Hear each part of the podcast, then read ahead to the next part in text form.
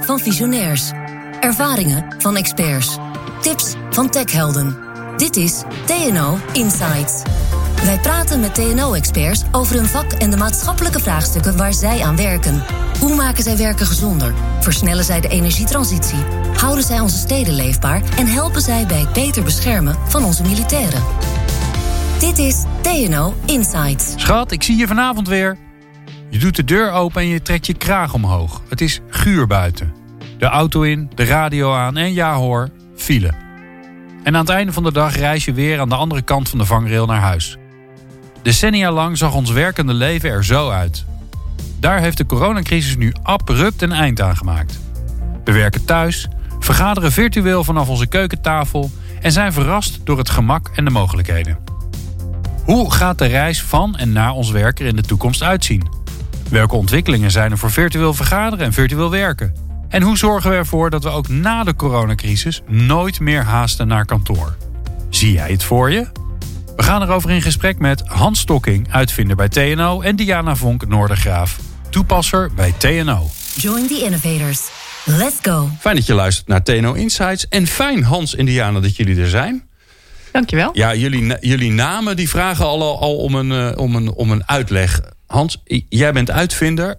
Hoe, zie, hoe ziet dat eruit? Wat doe je dan? Zit je dan ergens in, in een lab ingewikkeld te zijn met een, met een stofjas aan? Ja, precies dat. Nou, die stofjas die hebben we niet. Zeker niet omdat ik in de ICT zit. Dus vooral computers om me heen. En uitvinden is niet zozeer briljant zijn, maar is meer problemen oppakken en met groepen nieuwe oplossingen verzinnen.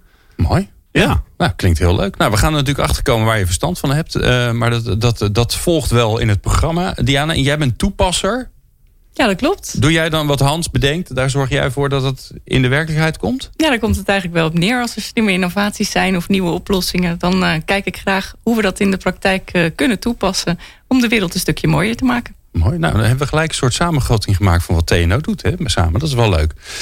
Um, Diana, bij jou beginnen. Uh, we hebben het over, over, over werk, over naar werk toe gaan. Laten we eerst even kijken welke, welke vraagstukken, welke problemen zijn er eigenlijk omdat we met z'n allen naar ons werk gaan?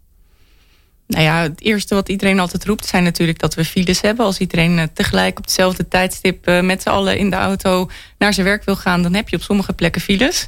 Uh, maar er zijn natuurlijk wel meer vraagstukken. Je, je, ziet natuurlijk nu in steden waar de ruimte schaars is, dat eigenlijk alles onder druk komt te staan. Dus schone lucht is een, een probleem. Er gebeuren natuurlijk ongevallen. En um, ja, al die verplaatsingen, dat kost ook heel veel ruimte. Dus het is eigenlijk een heel uh, spectrum van uh, uitdagingen waar we voor staan... Uh, die misschien nog wel slimmer kunnen opgelost worden. Ja, want nu, pas nu je het zegt, denk ik inderdaad... een stad bestaat voor een belangrijk gedeelte uit nou ja, wegen, invoegstroken, rotondes. Als dat, als dat allemaal hele dunne, dunne voetpaden zouden zijn, of, of steppaden... wat zouden we dan met die ruimte doen? Wordt daar wel eens over nagedacht? Uh, ja, steeds meer. En zeker nu met de coronacrisis zie je eigenlijk juist dat uh, steden opnieuw gaan kijken naar hun ruimte. Uh, je ziet steden die bijvoorbeeld hele straten afgesloten hebben om meer ruimte te maken voor terrassen. meer ruimte geven voor fietsers en voetgangers inderdaad. En vergeet ook al die parkeerplaatsen niet. Hè? Je ziet natuurlijk steeds meer terrasvlonders en vlonders om, om fietsen op te parkeren. Dus hoe we onze ruimte inrichten, ja, dat kunnen we zelf bepalen. Ja, en dat is op terras zitten eigenlijk veel leuker dan je auto kwijt kunnen, zou je zeggen. Behalve natuurlijk als je met die auto aankomt rijden en denkt ik moet de stad in. Ja, het is soms natuurlijk heel comfortabel als je de auto lekker voor de deur kan zetten. Als je de boodschappen wil uitladen en dat soort dingen. Maar het heeft ook nadelen. Want uh, ja, stel je voor dat we al die parkeerplaatsen zouden kunnen gebruiken om parken van te maken. Of om uh, meer speelplek te hebben voor kinderen. Ja, dan, dan ziet je stad er opeens heel anders uit. Nou ja, dit soort dingen gaan we, gaan we eh, verkennen wat dat dan is. En we hebben eigenlijk een beetje je hebt beetje twee grote vraagstukken. En de een is, als we dan naar ons werk gaan in de toekomst, hoe gaat het eruit zien? Uh, maar de eerste vraag is natuurlijk, zeker ingegeven door alles wat we met corona mee hebben gemaakt, Hans. Als we nou helemaal niet naar het werk hoeven. Hè, als het werk gewoon is waar we zijn. Hoe ziet het er dan uit? Kan jij ons een beeld schetsen? Want we zijn nu gewend, hè, je gaat achter Microsoft Teams of Google Hangout of nou al die andere Zoom. Wat heb je al die, al die platforms waarvan we, wij in ieder geval, jij natuurlijk wel, tot twee maanden geleden, drie maanden geleden nog niet eens wisten dat ze bestonden. En tegenwoordig zit het in ons dagelijks leven. Dat kennen we. Als we dat, dat lijntje nou doortrekken naar de toekomst. Wat mogen we dan gaan verwachten in de toekomst van dat thuiswerken, virtueel werken? Nou, aan de ene kant zie je dat het voor heel veel mensen best een uitkomst is nu. Om gewoon lekker achter de video te zitten. En tegelijkertijd merk je dat mensen wel merken van... joh, je wordt er wat vermoeid door. Het is tussen de vergaderingen door is het niet meer even naar de koffieautomaat... en even die pauzemomenten vallen weg. En echt contact met de ander voel je dan ook weer niet. Het blijft een soort venster naar, naar de ander. Een kijkje in de woonkamer van de ander. Of tegenwoordig naar de virtuele achtergrond die de ander heeft gekozen. Uh, nou, ik zit in de onderzoek naar virtual reality en augmented reality. En daar zie je dus dat de mogelijkheden er zijn om ook mensen bij elkaar te zetten in virtuele omgevingen. Uh, en waar we mee bezig zijn is om dan juist te zorgen dat mensen daar ervaren alsof ze echt met elkaar aan tafel zitten. Waardoor we dus een aantal van de huidige problematieken rondom videobellen proberen op te lossen of gaan oplossen. Waarbij we dus kunnen zeggen van joh, het is anders. Je hebt een bril op je hoofd nu en je hoort wat en je voelt nog niks anders. Want zover zijn we nog niet. En tegelijkertijd geeft het echt het gevoel dat mensen denken van... hé, hey, verrek, na vijf minuten dat mensen echt het gevoel hebben dat ze ergens anders zijn... en echt met iemand aan tafel zitten. Waardoor je dus ziet dat bepaalde dingen die nu nog niet mogelijk zijn... dan opeens wel kunnen. En dat, ja. Zoals, neem ons eens mee. Hebben dus wat, waar loop je dan nu tegenaan waarvan je zegt... nou ja, dat hebben we dan opgelost? En we zien een heel groot effect van een gedeelde omgeving... op het gevoel van verbinding tussen mensen. Een gevoel van samen zijn bestaat niet alleen uit dat je de ander ziet... maar ook dat je een ruimte deelt. En dat is dus iets wat bij Teams hebben ze net ingebouwd. De Together-modus. Dan zie je, zeg maar, zit je meer samen in één omgeving. Maar dat blijft heel artificieel en dat klopt allemaal niet. Terwijl als je echt met iemand in een virtuele ruimte zit, deel je nog steeds een ruimte. En dan komt dat gevoel van samen zijn en die verbinding die je met elkaar hebt, komt veel dichterbij. En ook dat je het idee hebt, dat heb ik wel eens mij, laten vertellen door een hoogleraar. Die zei, ja, wij zijn ook steeds aan het inschatten hoe ver iemand van ons vandaan is. En dat met een plat scherm is dat natuurlijk heel lastig. Ik kan me heel goed voorstellen dat als je via virtual reality aan die tafel zit, dan kun je daar, hè, ook al bestaat het niet, kan je, toch, kan je brein toch kijken, hoe ver ben je nou eigenlijk van mij vandaan? Ja, je, gaat, je merkt dat de personal distance in virtual reality eigenlijk hetzelfde werkt. Heel veel werkt gewoon hetzelfde. Je merkt ook dat groepsgedrag, zeg maar interactie in een groep, heb je een vergadering met tien man in teams wie praat er nou tegen wie? En wie is er dan aan de beurt? En hoe breek je in? Dat gaat allemaal niet. En juist dat soort groepsinteracties kun je in virtual reality, waarbij je gewoon eigenlijk weer aan tafel zit met je collega's, worden veel natuurlijker. Ja. En uh, hoe, eh, want dat, uh, dat kan ik me voorstellen. Dus ik kan me voorstellen dat je samen in die ruimte zit. Hoe zorg je er dan voor dat mijn non-verbale communicatie, wat natuurlijk een lastig is om via een plat schermpje te bekijken, zeker als ik ze nu en dan gewoon mijn camera uitzet, wat nog wel eens gebeurt uh, in vergaderingen, of ik ben zo klein ergens weggestopt dat je me helemaal niet ziet. Hoe zorg je dan? Of je, zit achter je e-mail en je zit andere dingen te doen. En dan denkt iedereen oh, dat je er nog bent, maar je staat mute en je video staat uit. En je bent gewoon even naar de wc, een koffie halen en de hond aan het uitlaten. En dan kom je weer een keer terug en dan zeg je: Oh, sorry, ik verstond je even niet. Ja. Oh, is, dit, is dit persoonlijke ervaring? Nou ja, dat zie je nu wel gebeuren. Met thuiswerken is het heel lastig. Het videobellen. Een van de redenen dat we vermoeid zijn, is omdat we gaan zitten multitasken.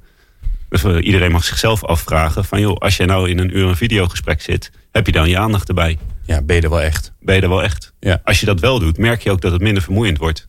Maar los, hoe los je dat op met virtual reality? Want ik, ik kan me heel goed voorstellen dat, dat ik inderdaad die 3D-omgeving zie. Maar hoe zie je mij in die 3D? Hoe zien anderen mij? En als een 3D-video-object. Dus gewoon eigenlijk als jezelf, waar je in Teams een platte versie van jij ziet, zie je in virtual reality gewoon een driedimensionale versie van jij. Gaaf. Ja. Cool hè? Hoe werkt dat? Hoe werkt Heb ik dan 39 camera's om me heen? Uh, wij zeggen nu twee. Echt waar? Ja, want oh, mensen kijken met een vergadering niet naar je achterkant. Er zit niemand achter je. Dus uh, twee op 45 graden aan beide kanten voor je. En dan een uh, stuk beeldbewerking. En dan komt er een mooie driedimensionale videoversie uit. En dan zie je mij dus, mij, je ziet me gebaren, je ziet me dingen pakken. Je ziet ook mij af, af, afdrijven. Ja, ik zie alles. Als je in je neus speutert. Het, als je ja, ja, andere dingen doet die we in vergaderingen eigenlijk niet doen. Ja. ja. Tof. Wat, wat, is, wat, is de, de, wat is de verwachting? Wanneer, wanneer hebben we dat? De, de, de, de, dat vind ik een hele lastige. We hebben natuurlijk met bijvoorbeeld 3D-televisie gezien. Nou, ik zit hier in Hilversum. Dus dat, dat het niks werd. Nee. Je ziet hier wel, mensen moeten een bril opzetten nu. En dat is belastend. Dat ding is zwaar, dat ding is warm. Daar moet je aan wennen. Je ogen worden droog. En tegelijkertijd zie ik bij ons in het lab de mensen die er meer mee werken. Die gaan er minder last van hebben. Dan, dat gevoel van lichte hoofdpijn dat je krijgt verdwijnt. En het wordt steeds natuurlijker. Zeg maar, blijkbaar is de mens, de hersenen zijn in staat dat op te pakken en te verwerken. Ja. Alleen de vraag is, ja, als we het en masse doen en iemand zet voor het eerst vier jaar op en die wordt misselijk, dan gaat hij het vijf jaar niet meer proberen. Dus het, het hangt van dat soort factoren af van krijgen de bedrijven die die headsets maken, die VR headsets maken, krijgen die ze zo goed dat iemand die het voor het eerst gebruikt comfortabel is.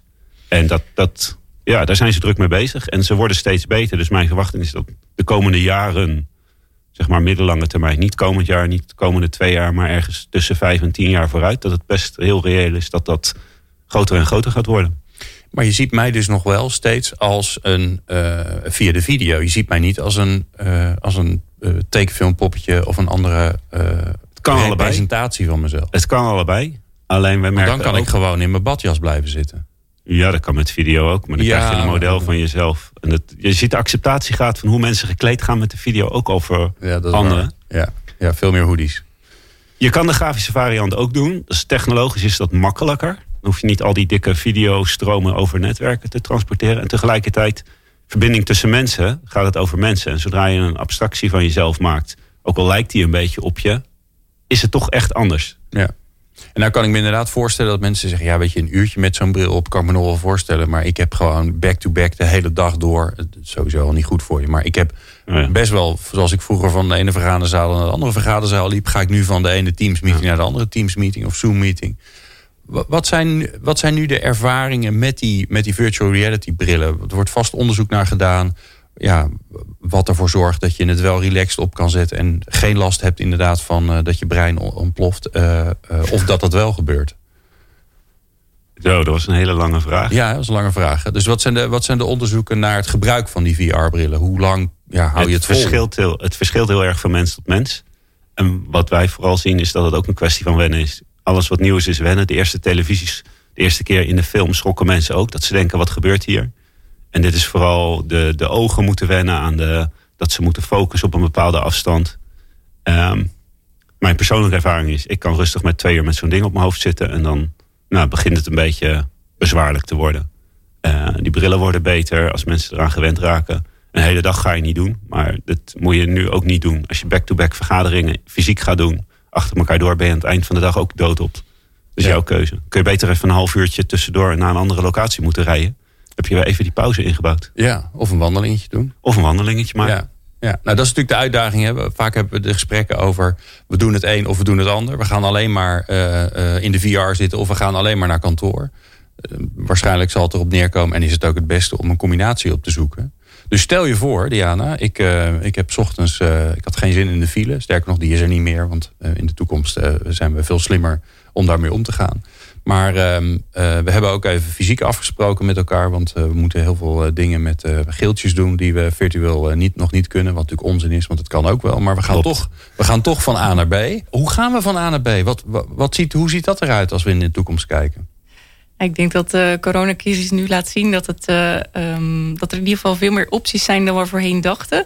Ehm, thuiswerken, dat is denk ik best een goede optie voor misschien wel één of twee dagen in de week voor veel mensen. Ehm, we hebben ook gezien dat het eh, eh, een rondje lopen buiten of wat meer fietsen, dat dat eigenlijk ook wel heel prettig is. En natuurlijk als we buiten de spitsen gaan, gaan reizen en dat veel meer verdelen over de dag, dan helpt dat ook allemaal mee. Dus het is inderdaad de uitdaging om te kijken van hoe we die elementen vast kunnen houden. eh, zodat we dat eh, zo slim mogelijk allemaal kunnen combineren. Alle opties die er zijn, die zou je eigenlijk zo goed mogelijk willen benutten. Ja, dat valt nu nog niet mee. Dus hoe, hoe gaat dat eruit zien? Neem mij eens mee. Ik, ga, ik, ga, ik woon in Wageningen. We hebben geen treinstation. Want Ede-Wageningen is in Ede.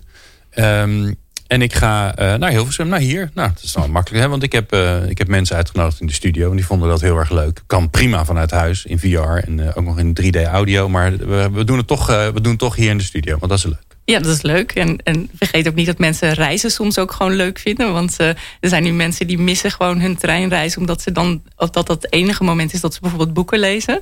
Dus eh, we vinden het ook gewoon niet alleen leuk om elkaar te zien. Maar ook gewoon om onderweg te zijn en een, een, een change of scenery. Een ander, ander uitzicht te hebben. Ja. Ehm, dus ja, dit, um, maar de vraag is inderdaad hoe je die, dat, die uh, slimmere keuzes voor elkaar krijgt. Dat mensen inderdaad echt meer combinaties gaan doen. En ik denk wat heel erg zou kunnen helpen, is dat mensen zich ook bewust zijn dat ze die opties hebben. Kijk, als je een auto voor de deur hebt staan, dan is het makkelijk om er meteen in te stappen.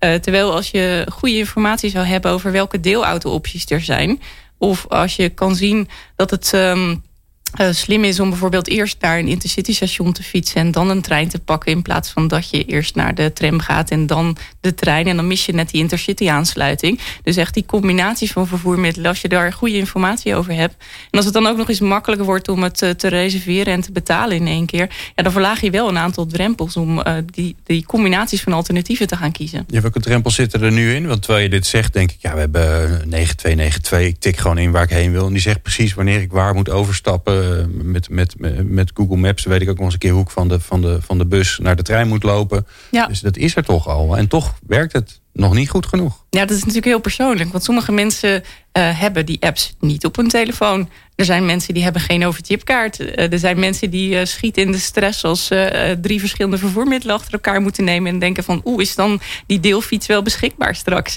dus er zitten echt nog wel heel veel elementen die beter kunnen. Deelfietsen vind ik altijd wel een mooi voorbeeld.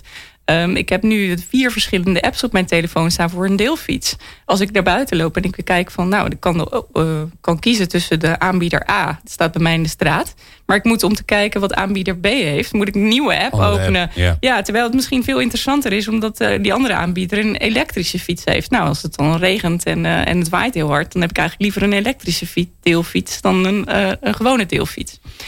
En wat kunnen we nou leren van het succes van de auto? Hè? Want ik heb, uh, ik heb tijdenlang veel met de trein gereisd. Uh, omdat ik gewoon voelde, eh, als ik in de auto zat, dacht ik... ja, ik ben, ik ben dinosauruspoep aan het verstoken. Dat kan ik niet maken. Nu heb ik een elektrische auto. Ik zit alleen nog maar in de auto. Ik ben totaal van mijn, van mijn gevoel van schaamte af... dat ik in, in de auto zit. En ik stap in dat ding. En het is, ja, het is zo makkelijk. Dus wat, wat kunnen we daar nou van leren voor het aanbieden van al die andere? Want er is, er is heel veel alternatief. En toch stappen nog steeds heel veel mensen gewoon in die auto. Nou, wat kan helpen is natuurlijk te zorgen dat die andere alternatieven inderdaad comfortabel en makkelijk worden. Als je kijkt wat voor revolutie eh, Uber teweeg heeft gebracht in mobiliteitsland. Uh, in principe is het dezelfde dienst. Het is een taxidienst. Maar het is opeens veel makkelijker om hem uh, te boeken, te reserveren, te betalen. Je hoeft geen geld meer mee te nemen in een taxi. Je betaalt dat gewoon via je creditcard. Je kan precies zien wanneer de taxi eraan komt en wanneer je hem kan verwachten. Ja. En dat uh, is een heel groot stuk comfort. Het, is ook, um, ja, het, neemt wat onzekerheid weg. Want je, hoeft, je hebt niet meer de stress van... Uh, komt de taxi wel op tijd uh, om een vlucht uh, te halen?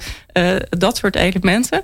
Um, en tegelijkertijd, ja, kijk, als je meer lopen en fietsen wil, dan helpt het natuurlijk als je daar veel ruimte voor hebt. Als je meer openbaar vervoer wil, ja, dan kan je op allerlei manieren aantrekkelijk maken. En als je minder auto wil, ja, dan kun je ook van alles aan doen. Dus het is eigenlijk een keuze van hoe wil je dat je mobiliteitssysteem eruit gaat zien. En hoe kan je dan zo goed mogelijk dat met elkaar gaan inrichten. Dan ja. zeg je de hele tijd, zeg je, hoe wil je, hoe wil je. Maar ja. wie, is, wie is nou je dan? Ja, dat zijn wij. Wij bepalen natuurlijk zelf uiteindelijk met elkaar um, via onze uh, politieke besluitvorming hoe wij willen dat onze stad ingericht is. Kijk, als je het aan mij persoonlijk vraagt, ik zou het fantastisch vinden om een park voor de deur te hebben en vervolgens dus een stukje te fietsen naar mijn auto. Um, ik heb uh, zelf überhaupt geen auto. Uh, je kan een deelauto ook prima gebruiken. Maar er zijn natuurlijk heel veel mensen die andere voorkeuren hebben. En samen maken we die keuzes. Maar heel veel mensen denken dat dat een soort gegeven is. En dat je er dus niks meer aan kan doen. En dat is natuurlijk niet waar. Zeker, zeker nu hebben we laten zien van nou, je kan wel degelijk ook gewoon de infrastructuur aanpassen om meer ruimte te maken voor fietspaden. En wij doen daar blijkbaar onderzoek naar. Maar hoe pas je dat dan aan? Want als het ons gedrag is, moet de overheid dat dan gaan regelen? Of hoe gaan we dat. Kijk, met COVID is het ook de overheid die gezegd heeft: joh, jongens, jullie werken allemaal thuis en klaar, files waren weg. Of moet, groeit zoiets? Of hoe werken dat soort dingen? Het, mobiliteitssysteem zoals ik het voor me zie, uh, ligt inderdaad een belangrijke rol voor de overheid. Uh, maar het zou natuurlijk ook mooi zijn als je uh, die nieuwe diensten als die gewoon beschikbaar zijn. Dus daar ligt dan bijvoorbeeld weer een rol voor het bedrijfsleven. Je ziet steeds meer bedrijven die, die deelfietsen, deelauto's aanbieden, um, elektrische deelscooters. Dus ook het bedrijfsleven kan een bijdrage leveren. En wij zelf met de keuzes die wij maken. Dus het is uiteindelijk een combinatie van overheden, bedrijven, wij zelf als consumenten. Uh, die bepalen hoe de wereld eruit gaat zien. Ja, en dat is wel interessant. En voordat we daarop verder gaan, er zit nog één ding in mijn hoofd waar we het even over moeten hebben. En dat is de horizontale lift. Tenminste, dat lijkt mij namelijk briljant, want dan heb ik geen auto meer nodig. Maar ik, ik, ik druk op mijn telefoon de avond van tevoren. Dan kan, de, kan die horizontale lift nog even zorgen dat hij op tijd is. Maar ik druk een mhm. avond van tevoren, zeg ik, joh, ik wil morgenochtend, moet ik om kwart over tien moet ik op het Mediapark zijn. En dan krijg ik een berichtje en die zegt, nou, dat is hartstikke mooi. En dan zorgen we ervoor dat de horizontale lift voor u klaar staat. kunt u rustig werken achterin. En dat is een zelfrijdend ding. Auto, weet ik veel hoe dat eruit ziet. Ik zit in ieder geval droog, dat vind ik altijd wel fijn.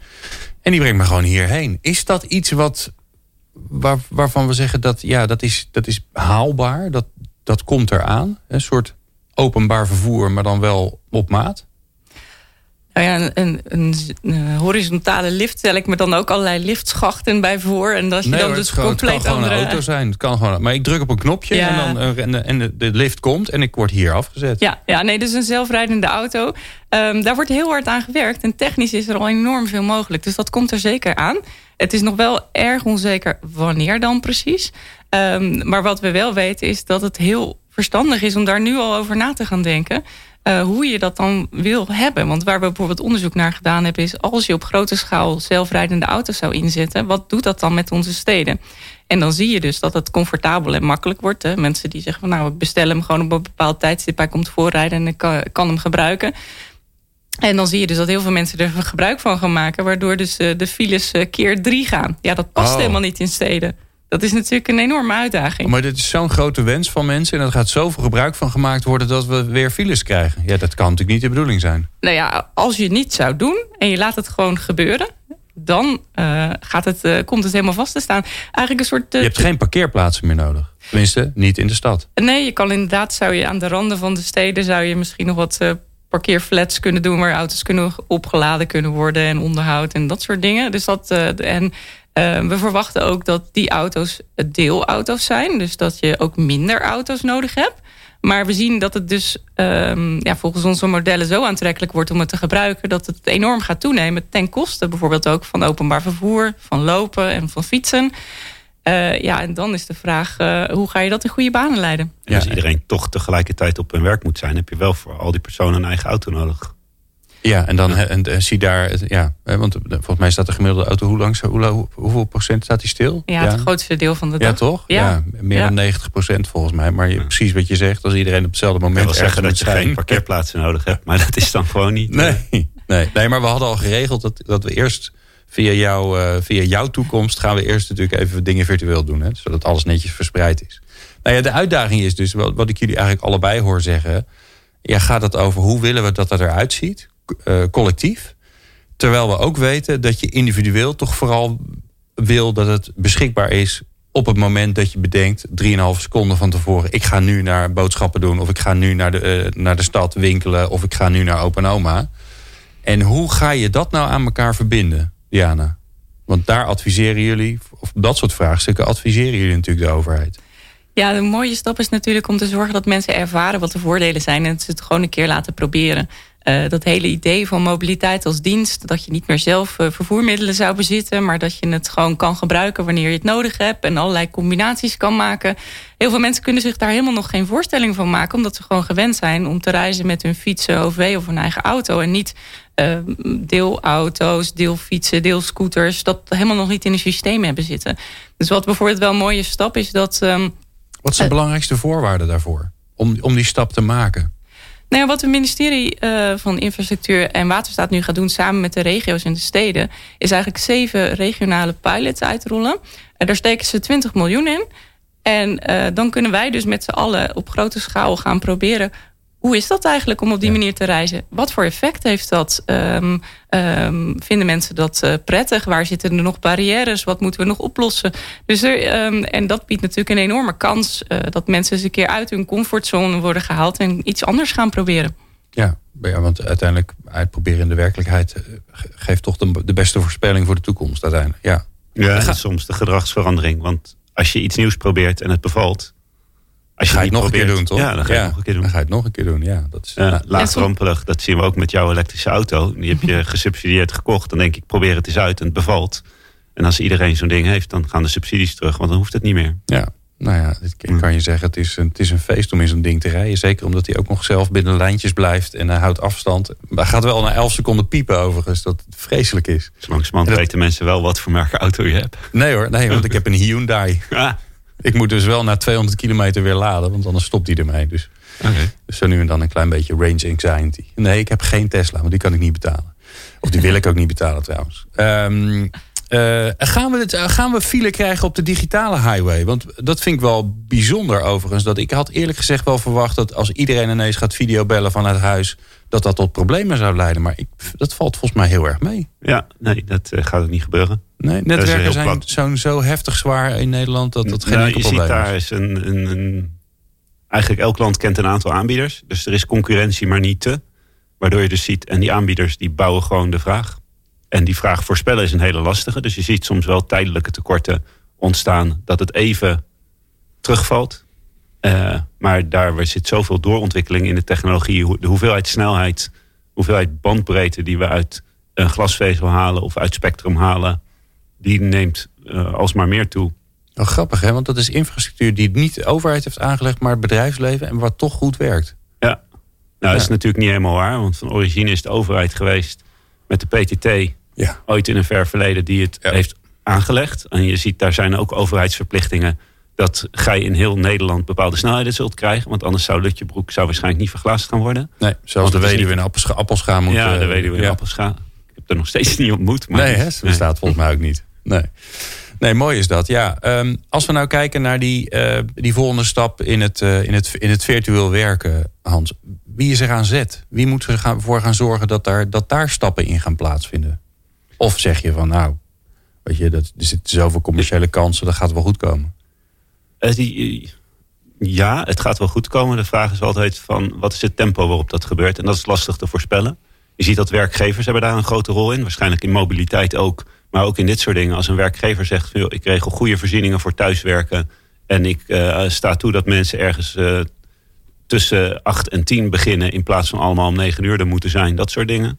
Je ziet ook, en dat is nu wat nu met corona gebeurt. Dat de hoeveelheid innovatie in het platte videobellen. Zoom en Teams. Er gaat zulke grote stappen hoe ze nu keer op keer nemen. Dat ze zeggen, joh, de, de volgende stap op een gegeven moment gaat daar VR bij komen. En dan kijk ik dus naar partijen als eh, Microsoft. Die ja, met Teams nu redelijk het voortouw nemen in de zakelijke wereld.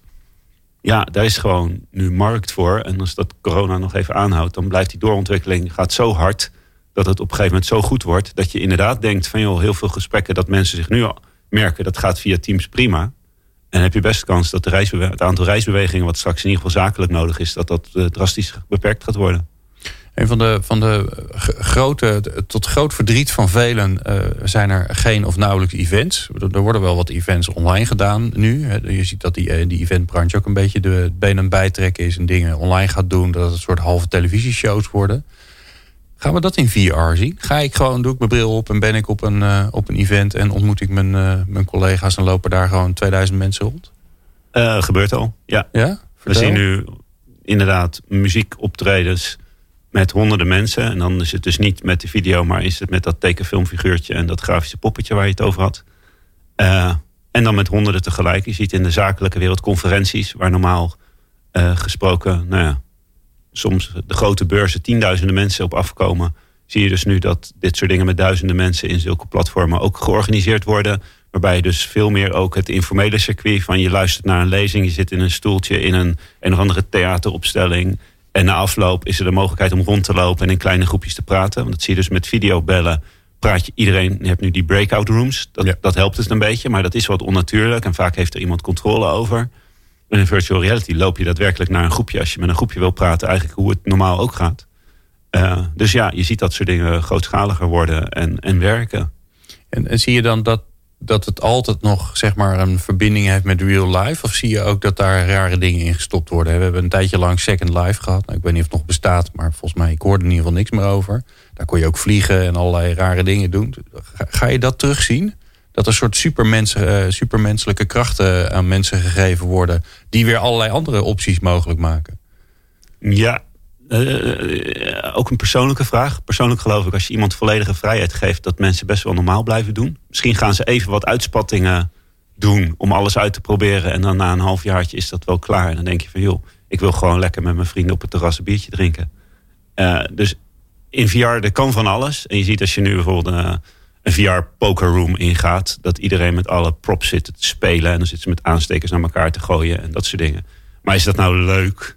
Ja, nou, ik denk het niet. Ja. ja. Een dag en dan gaan we gewoon weer normaal doen. En dan gaan we gewoon weer normaal doen. Dus ik verwacht dat dat wel beperkt blijft. En zeker zakelijk gezien zal dat beperkt blijven. En privé gezien is denk ik de stap groter naar VR. Zakelijk gezien is het functioneler. Maar als ik kijk van ja, als ik een etentje met vrienden wil, dat duurt langer. Dus dat is in VR al lastiger. Daar heb je normaal gesproken meer fysiek contact. Nu even niet, maar normaal gesproken wel.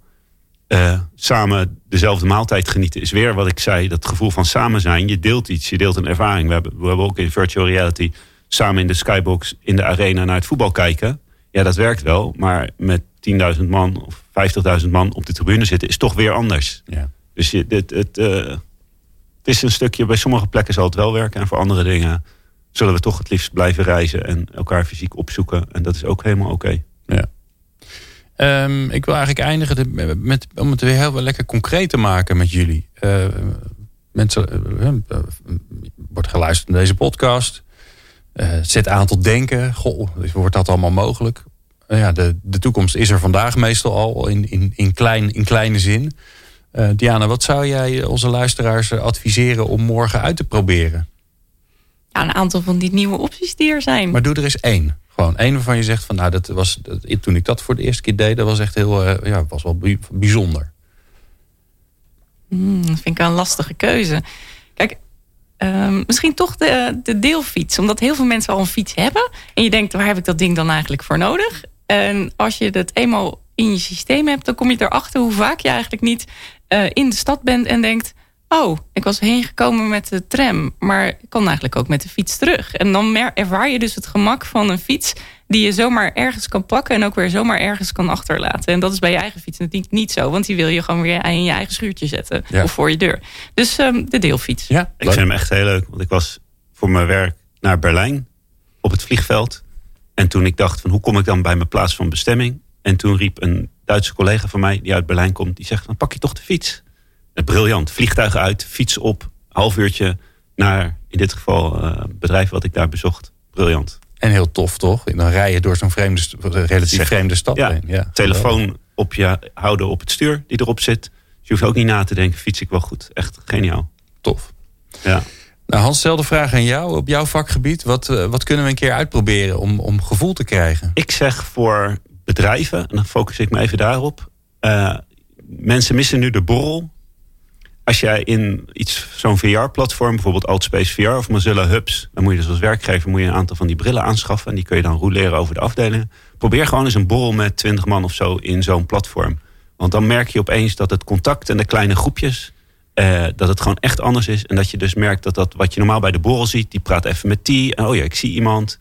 Uh, als je dat uitprobeert, dan merk je echt van dat is echt iets wat ja. En juist omdat je daar dat menselijke, dat sociale hebt. En Niet, uh, ja. dus niet saai gaan zitten vergaderen, eerst, eerst borrelen. Dank jullie wel. Hans Stokking en Diana Vonk Noordegraaf van TNO. Wil je meer informatie? Kijk dan door de ogen van TNO en ontdek hoe wij met alternatieven voor forensen bijdragen aan het leven van morgen. Ga naar tno.nl slash zie het voor je.